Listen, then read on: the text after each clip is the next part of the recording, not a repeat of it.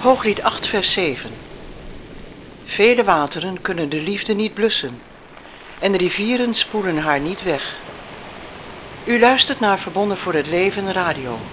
Een eenvoudige bijbelstudie over het huwelijk, zoals God het bedoeld heeft. Samenstelling en presentatie Willem en Helen Lingeman. Een belangrijk punt waarvan veel christenen niet zo goed weten hoe ze daarmee om moeten gaan, is de ongelovige die geheiligd is in de gelovige. De apostel Paulus schrijft hierover aan de gemeente van Korinthe. 1 Korinthe 7, vers 14. De ongelovige man is geheiligd door de vrouw. En de ongelovige vrouw is geheiligd door de broeder. Anders toch waren uw kinderen onrein. Maar nu zijn zij heilig. Het is nooit naar de wil van God als een gelovige trouwt met een ongelovige. Zo'n huwelijk is een ongelijk juk dat kan gaan wringen en pijn doen. Het is zelfs een verbintenis die voor het geestelijk leven van de gelovige noodlottig kan zijn. Hoe is het echter als van een echtpaar de man of vrouw tot geloof komt, terwijl de ander zich niet bekeert? Over zo'n situatie gaat het in het Bijbelvers wat we lazen.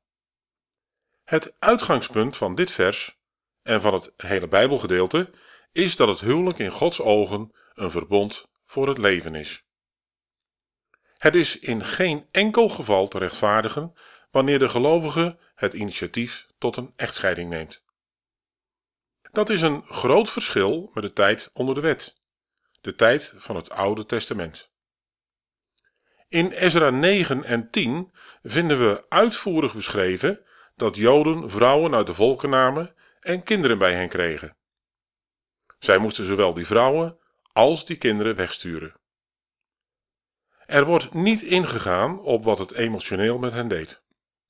Nee, Gods wil moest uitgevoerd worden, dat was van belang. De Joden hebben niet geaarzeld om dat te doen. Op de naleving van Gods inzettingen rust altijd zegen. In onze tijd, waarin de genade heerst, wordt de gelovige niet opgeroepen om zijn of haar ongelovige huwelijkspartner weg te sturen of zelf weg te gaan.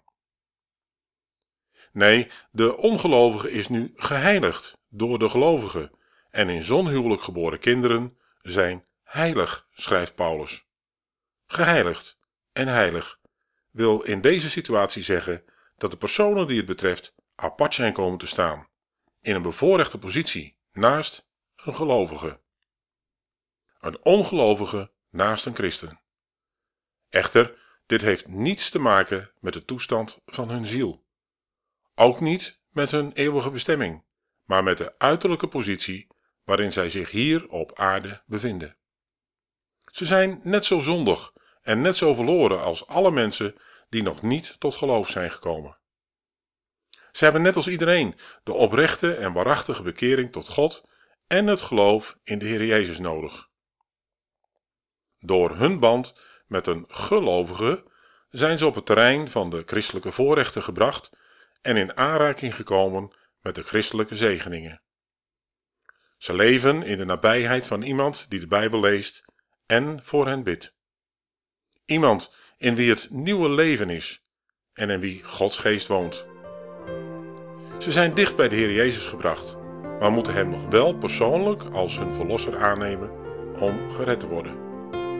Net zoals die gelovige eens deed, in wiens nabijheid ze mogen leven. In de volgende uitzending buigen we ons over de vraag of koning Salomo duizend vrouwen mocht hebben. Graag tot de volgende keer. Spreuken 3, vers 3. Dat liefde en trouw u niet verlaten. Bind ze om uw hals, schrijf ze op de tafel van uw hart. U heeft geluisterd naar Verbonden voor het Leven Radio. Samenstelling en presentatie Willem en Helen Lingeman. Heeft u vragen naar aanleiding van deze uitzending? Dan kunt u contact opnemen via het reactieformulier op onze website www.verbondenvoorhetleven.nl of www.unitedforlife.eu. Zo de Heere wil graag tot de volgende keer.